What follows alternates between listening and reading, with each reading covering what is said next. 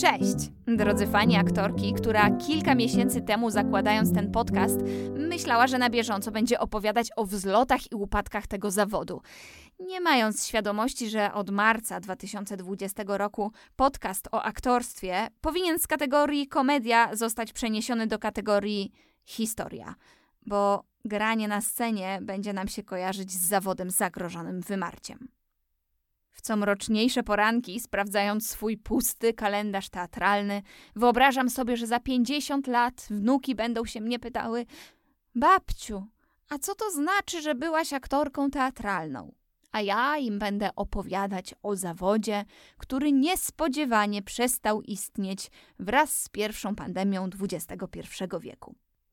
Tymczasem codziennie nerwowo sprawdzam swoją kategorię. Wciąż jest komedia i rozrywka. Także kamień z serca.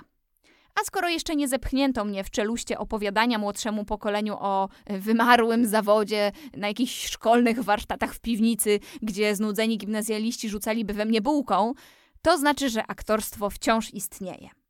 A wraz z tym zawodem codzienność aktorów. A jak wygląda taka codzienność? To znaczy, aktualnie codzienność aktora wygląda jednak tak, że wpatrujemy się w te puste kalendarze teatralne, licząc na jakiś telefon albo cud i przeklinając w duchu nasze rodziny, dlaczego pozwolili nam wybrać tak nieżyciowy i niepotrzebny pandemicznemu światu zawód. No ale zanim to wszystko nas napadło, aktora rozpoznawało się na ulicy już z odległości pięciu metrów. Dajmy na to tak. Idziesz sobie ulicą, jak normalny obywatel, niesiesz sobie siatkę z Lidla, w głowie złorzeczysz na aplikację zakupową, e, że mimo zeskanowania kodu nie odjęło ci od rachunku promocji 14 maseł w cenie 13. No i skoro nie złapało cię do tej promocji, no to mogłeś sobie równie dobrze kupić to jedno masło, tak jak planowałeś. No i idziesz sobie, idziesz tą ulicą i tam w głowie złorzeczysz i wtem mijasz mnie, aktora. A skąd wiadomo, że mijasz aktora? Ano stąd, że ja jako aktor nie idę sobie cicho ze swoją siatką z zakupami z Lidla, w której też niosę te 14 maseł, bo też chciałam się załapać na tę świetną promocję. Nie, ja nie idę cicho. Ja sobie w głowie nie złorzeczę. Ja sobie w cichości własnych myśli nie myślę, na czym to świat zakupów codziennych stoi, że nikomu tam już nie można ufać, a tym korporacjom zagranicznym na obcym kapitale to już na pewno nie. Nie. Ja sobie idę ulicą i powtarzam sobie tekst na wieczorny spektakl. I o ile jak wychodziłam sobie z domu, no to jeszcze udawało mi się powtarzać ten tekst w głowie, o tyle już przy wyjściu z Lidla emocje biorą górę. Bo w głowie powtarzam sobie akurat y, najbardziej emocjonujący i dramatyczny akt. Więc nieświadoma, z obłędem w oczach i z tymi siatami w rękach, wrzeszczę na przechodniów, że tam życie jest tylko przechodnim pouczeniem.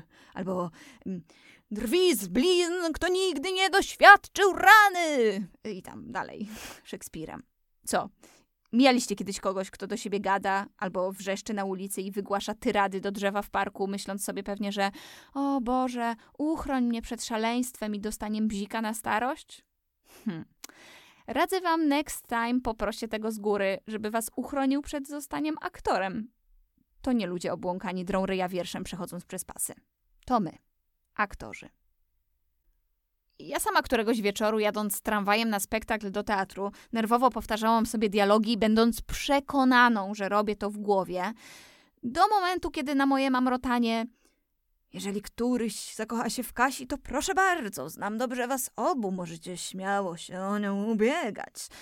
Pani z naprzeciwka wstała i ciągnąc za rękę swojego tam kilkuletniego synka, któremu pokazała mnie palcem, oburzona stwierdziła – Chodź, Kubusiu, nie będzie pani cię do obcych bab namawiać. O sytuacjach z metra, w których jadę zakapturzona w dresie i powtarzam sobie sztukę, którą mam tego wieczoru zagrać, a ludzie odsuwają się ode mnie i szepczą między sobą, że jakich to czasów doczekali, że młode dziewczyny te, te dopalacze i te narkotyki biorą i to w południe i jeszcze wcale się z tym nie kryją, no to już nie wspomnę. To po prostu chleb powszedni. No ale to gadanie na głos to raczej skrajne przypadki. Dzieją się albo w dniu premiery, albo w dniu spektaklu, po jakiejś naprawdę dłuższej przerwie, kiedy jesteśmy bardziej zestresowani i niepewni, czy pamiętamy całą sztukę. A tak to raczej udaje nam się zachować pozory normalności, przynajmniej w komunikacji miejskiej. Zupełnie inaczej mają się za to sprawy podczas prób. albo jak dostaniemy jakąś rolę w filmie czy serialu i zaczynamy ją sobie budować. No, no to wtedy jest hulaj duszo piekła nie ma. No to tak. Przechodzenie ulicą i dramatyczne spojrzenia w oczy randomowym przechodniom, żeby sprawdzić, czy dany środek aktorski robi wrażenie? Hm, obowiązkowo. Testowanie rano na ekspedientkach w piekarni różnych wariantów postaci. A to przepita stara baba, a to rozdygotana siksa, innym razem zrozpaczona matka. Poproszę, trzy krosanty. Potem groźna psychopatka. Jedną bułkę poznańską albo życie. Yy, I na to zestresowane ekspedientki. Yy, przepraszam. I na to też zestresowana, zesrana ja. Yy, no bułkę poznańską poprosiłam. To wszystko klasyczek. Przejdźmy dalej. Jakaś zalegająca sprawa w urzędzie do załatwienia? Może wymiana paszportu? O mój dobry Boże, co za pole do popisu. Jedna porządna wizyta i nie trzeba nawet prosić w teatrze o klucz do garderoby, żeby sobie przećwiczyć monolog straceńca. A wiecie, co się jeszcze świetnie nadaje do budowania roli poza teatrem? Kojarzycie te telefony Dzień dobry, nazywam się call center. Pani numer został wylosowany z bazy. Dzwonię, żeby poinformować panią, że została pani szczęśliwym zwycięzcą wycieczki do Czarnobyla śladami katastrofy. O my god. Nikomu, kto pracuje w call center, bo na przykład musi opłacić rachunki, jest normalnym człowiekiem. Nie życzę, żeby tak zwana baza wylosowała mu numer do aktora, który buduje sobie akurat rolę. Naprawdę? Jestem szczęśliwym zwycięzcą? A to dobrze, że pani dzwoni, akurat mam momencik. A o której dokładnie wygrałam tę wycieczkę? Bo zastanawiam się pani, wie pani, od ilu to ja minut jestem dokładnie szczęśliwa, bo chciałabym sobie to jakoś no, ulokować w czasie. No i się zaczynają.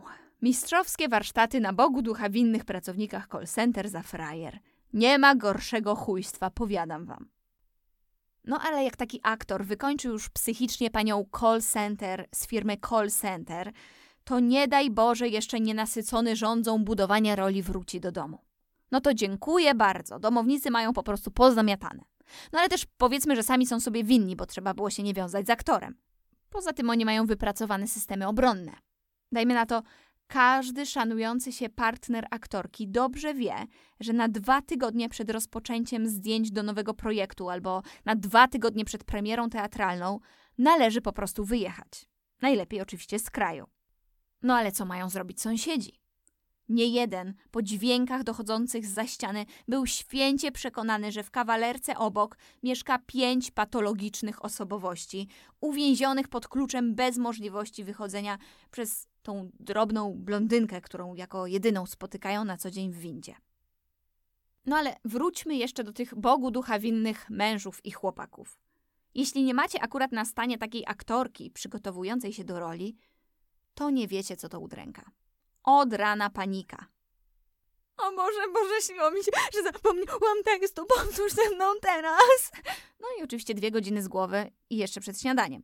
Potem chcesz sobie w spokoju wypić kawę, a tu tekst. Nie kochasz mnie już, nie kochasz mnie już. A więc robisz szybki rachunek sumienia z ostatniego wieczoru z kumplami, ale po chwili okazuje się, że to tylko kawałek roli.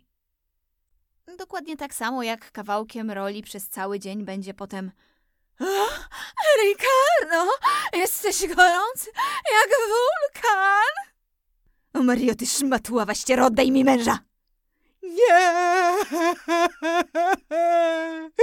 Nie możecie mi zabrać dziecka! Jesteś dla mnie nikim. Zniszczę ciebie, twoje dzieci, twoje wnuki i twoje prawnuki. I jeszcze pal 6, jeśli te wszystkie przygotowania to do roli, czyli do już dostanej roli, bo to chociaż oznacza, że te wszystkie wzniosłe role zasilą domowy budżet.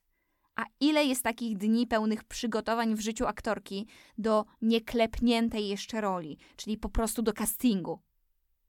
Do castingu, który będzie na tapecie przez tydzień, o czym nie dadzą ci zapomnieć wrzaski, krzyki i miłosne okrzyki, a po tygodniu, gdy casting ostatecznie wygra jakaś koleżanka aktorka zamiast tej twojej lubej, no to przez kolejny tydzień z każdego kąta domu będzie dochodził żałosny lament i wycie.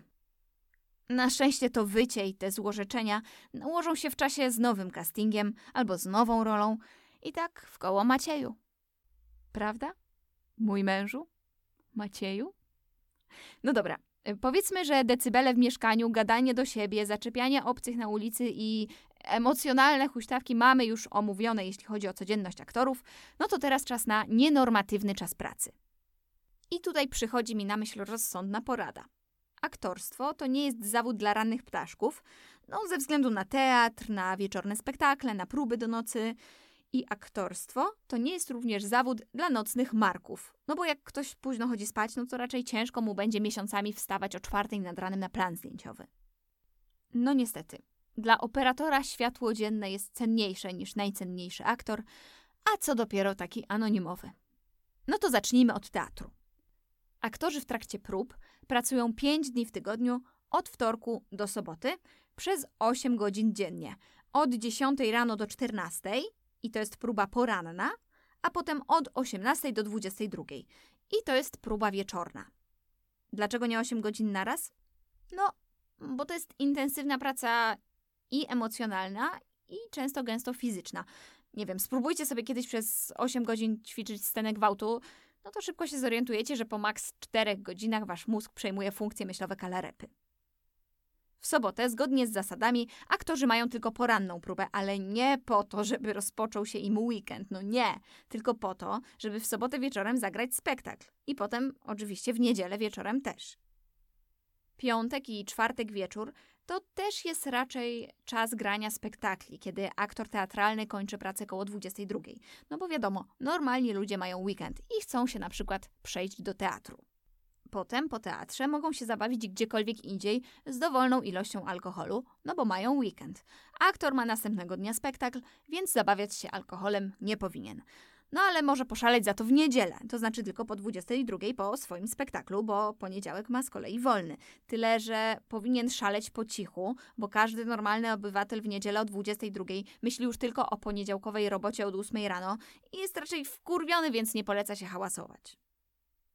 No i teraz wyobraźcie sobie, że taka aktorka, czyli ja, żyje sobie z takim normalnym człowiekiem, nie aktorem, czyli na przykład mężem, który, dajmy na to, pracuje sobie od poniedziałku do piątku, od 8 rano do 16. I to będzie tak. W tygodniu dokładnie o 16.30 spotykamy się w windzie na szybkiego buziaka, bo on wraca z pracy, a ja akurat do pracy wychodzę. A w weekendy on korzysta z weekendów, a ja piątek, sobota, niedziela wieczorami wychodzę do pracy. Jeśli akurat mamy tak luksusowy weekend, że gram w mieście, w którym mieszkamy, to możemy sobie wtedy na przykład zjeść rano wspólnie śniadanie. Czasami nawet pokusimy się o obiad. Ale często gram spektakle wyjazdowe, więc wtedy wyjeżdżam około czwartku, a wracam w niedzielę w nocy po zagranych czterech wieczornych spektaklach gdzieś tam po Polsce. I akurat jak wracam, robi się poniedziałek nad ranem i mój mąż wychodzi do pracy. Nieźle, co? Rekord pobiliśmy jakieś dwa lata temu, kiedy mieszkając w jednym domu, widywaliśmy się przez kilka tygodni tylko w niedzielę między drugą w nocy, kiedy ja wracałam z wyjazdowych spektakli, a szóstą nad ranem, kiedy on wyjeżdżał e, do pracy. No, ale co to były za cztery godziny? Liczy się jakoś za nie ilość. Ja tutaj już publicznie opowiadać nie będę. Oczywiście bez paniki, no. Aktorzy nie są cały rok w próbach. Większość swojego czasu, czy tam połowę dni w roku mają wolne. E, wtedy mają tylko zajęte te wieczory, kiedy grają spektakle, raczej weekendowe, ale też nie wszystkie. No może jeszcze Wam wspomnę, że w pracy aktora zrobienie jakiejś roli w innym mieście niż mieszkasz, to, to się zdarza. No ale wtedy łatwo obliczyć, y, kiedy się widzisz z bliskimi. Po prostu widzisz się albo w poniedziałek, jak przyjedziesz do domu na ten jeden wolny dzień, albo po prostu po trzech miesiącach, jak skończycie próby i dojdzie do premiery.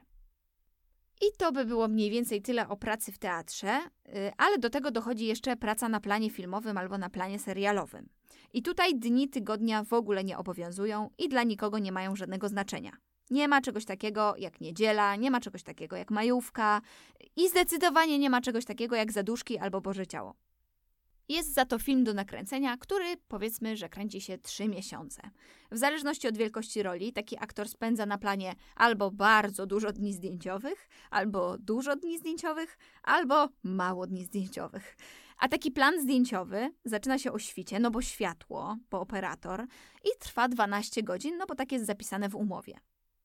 I zapewniam Was, że w historii kina może raz się zdarzyło, że kierownik planu powiedział: No, pracujemy dopiero 11,5 godziny, ale już wszystko mamy, także ogłaszam koniec zdjęć. Mm, nie, to się nie zdarza. Zdarza się natomiast yy, przesuwamy godzinną przerwę obiadową o dwie godziny, bo ucieka nam dzień. Albo yy, wiem, że właśnie minęło 12 godzin, ale nie nakręciliśmy dwóch scen, więc od teraz lecą nadgodziny, zabieramy się do pracy. No i na planie nie ma, że yy, no ale ja nie mogę, no bo jestem umówiona na 20, albo dziś nie mogę, bo mam jogę. Po prostu na planie siedzisz do tej godziny, aż nie usłyszysz koniec zdjęć, bo tak masz w umowie. No, bo wiecie, trochę ciężkawo nagrać brakujące dwie sceny bez głównej aktorki albo bez operatora. No to jeszcze o tych godzinach rozpoczęcia pracy, bo powiedziałam, że rano. Na planach zdjęciowych płaci się najczęściej dniówki. Aktorom, reżyserom, operatorom, oświetleniowcom, charakteryzatorom itd. Tak Więc czym prędzej zaczniemy, tym jest większa szansa, że w ciągu tego dnia się wyrobimy. A i w przypadku tak wczesnej godziny początku pracy, aktor jest dowożony na plan zdjęciowy przez produkcję filmu. I to oznacza, że o czwartej nad ranem, czy tam, nie wiem, o piątej pięćdziesiąt, whatever, pod jego dom podjeżdża samochód i zabiera go na plan. Bo produkcje filmowe aktorów kochają, ale aktorom nie ufają. No i super. Tylko, że to, że aktorka czy tam aktor ma zapewniony transport na plan, czyli że nie trzeba go nigdzie zawozić nad ranem albo że nie pożycza od nikogo auta, to wcale nie znaczy, że na domowników ta czwarta nad ranem nie wpływa. A no właśnie wpływa, bo aktor, czyli ja, muszę się wyspać czyli około 19.30, w środku lata, kiedy słońce napierdala po salonie, to ja zasuwam żaluzję i zarządzam słodkim głosem, że ja wiem, że niektórzy dwie godziny temu wrócili z pracy, ale teraz wszyscy muszą umyć zęby i spać, bo mnie następnego dnia czeka 12 godzin pracy i ja muszę się wyspać. No i takie to jest właśnie życie codzienne z aktorami. Dobrze, czyli mamy już codzienne wrzaski i dziwne zachowania na ulicy, czyli ćwiczenie roli do tego nienormatywne godziny pracy, no to jeszcze została wisienka na torcie. Nazywam tę wisienkę Czy ciebie popierdoliło, zostaw pana w spokoju. Już tłumaczę. Jeśli aktor akurat nie jest w teatrze albo na planie i nie gra, i jeśli aktor akurat nie przygotowuje się do konkretnej roli ucząc się tekstu, to możecie być pewni, że aktor poszukuje. Bo aktor ciągle poszukuje. Ten zawód polega na, na jak najwierniejszym odtworzeniu albo wykreowaniu postaci, albo tam sytuacji, o których my często nie mamy pojęcia, no bo ich nie przeżyliśmy i nie jesteśmy takimi ludźmi, więc musimy sobie takich ludzi namierzyć i się z nimi zapoznać, albo taką sytuację sprowokować i przeżyć, albo sobie chociaż podejrzeć taką sytuację z boku. No i to poszukiwanie włącza nam się zarówno w domu, kiedy ukochanemu wydaje się, że jesteśmy sobą, jesteśmy w bezpiecznej przestrzeni, bo jesteśmy w swoim domu i na przykład jesteśmy dla niego czuli. Hm, ale my wiemy, że my sobie akurat tutaj po cichutku sprawdzamy jakąś taką czułość, co sami jej nie stosujemy.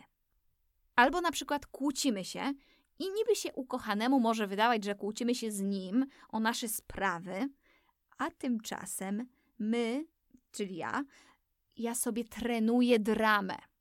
I jakiś taki chochlik z tyłu głowy mówi mi: O, a jakbyś tak zakrzyknęła: Jesteś potworem?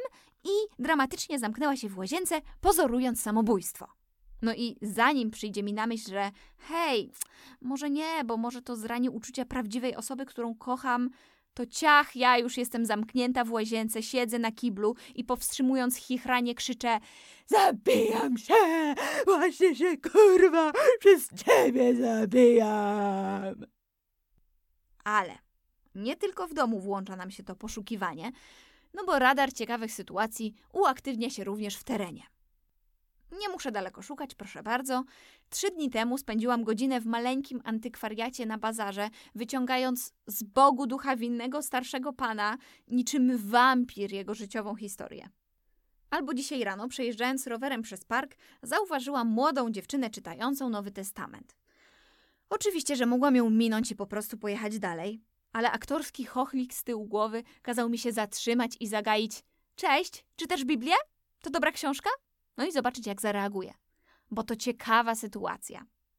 Mam nawet ulubiony róg w osiedlowej kawiarni, gdzie z szarego fotela widać dokładnie cały lokal i kto do niego wchodzi. I jak już wejdzie ktoś, kto według mnie ma historię wypisaną na czole, no to ja ciach z kawusią, z torcikiem przesiadam się na miejsce możliwie jak najbliżej swojej ofiary i bezczelnie po prostu podsłuchuję. Rozmowy telefoniczne, prywatne czułostki, randki, kłótnie, telefony służbowe z szefem, telefony do mamy, telefony do babci, wszystko. Zbieram sobie taką bazę sytuacji, osobowości do swojego aktorskiego woreczka, bo to ciekawa sytuacja. I niech zakończeniem tego odcinka będzie historia przestroga.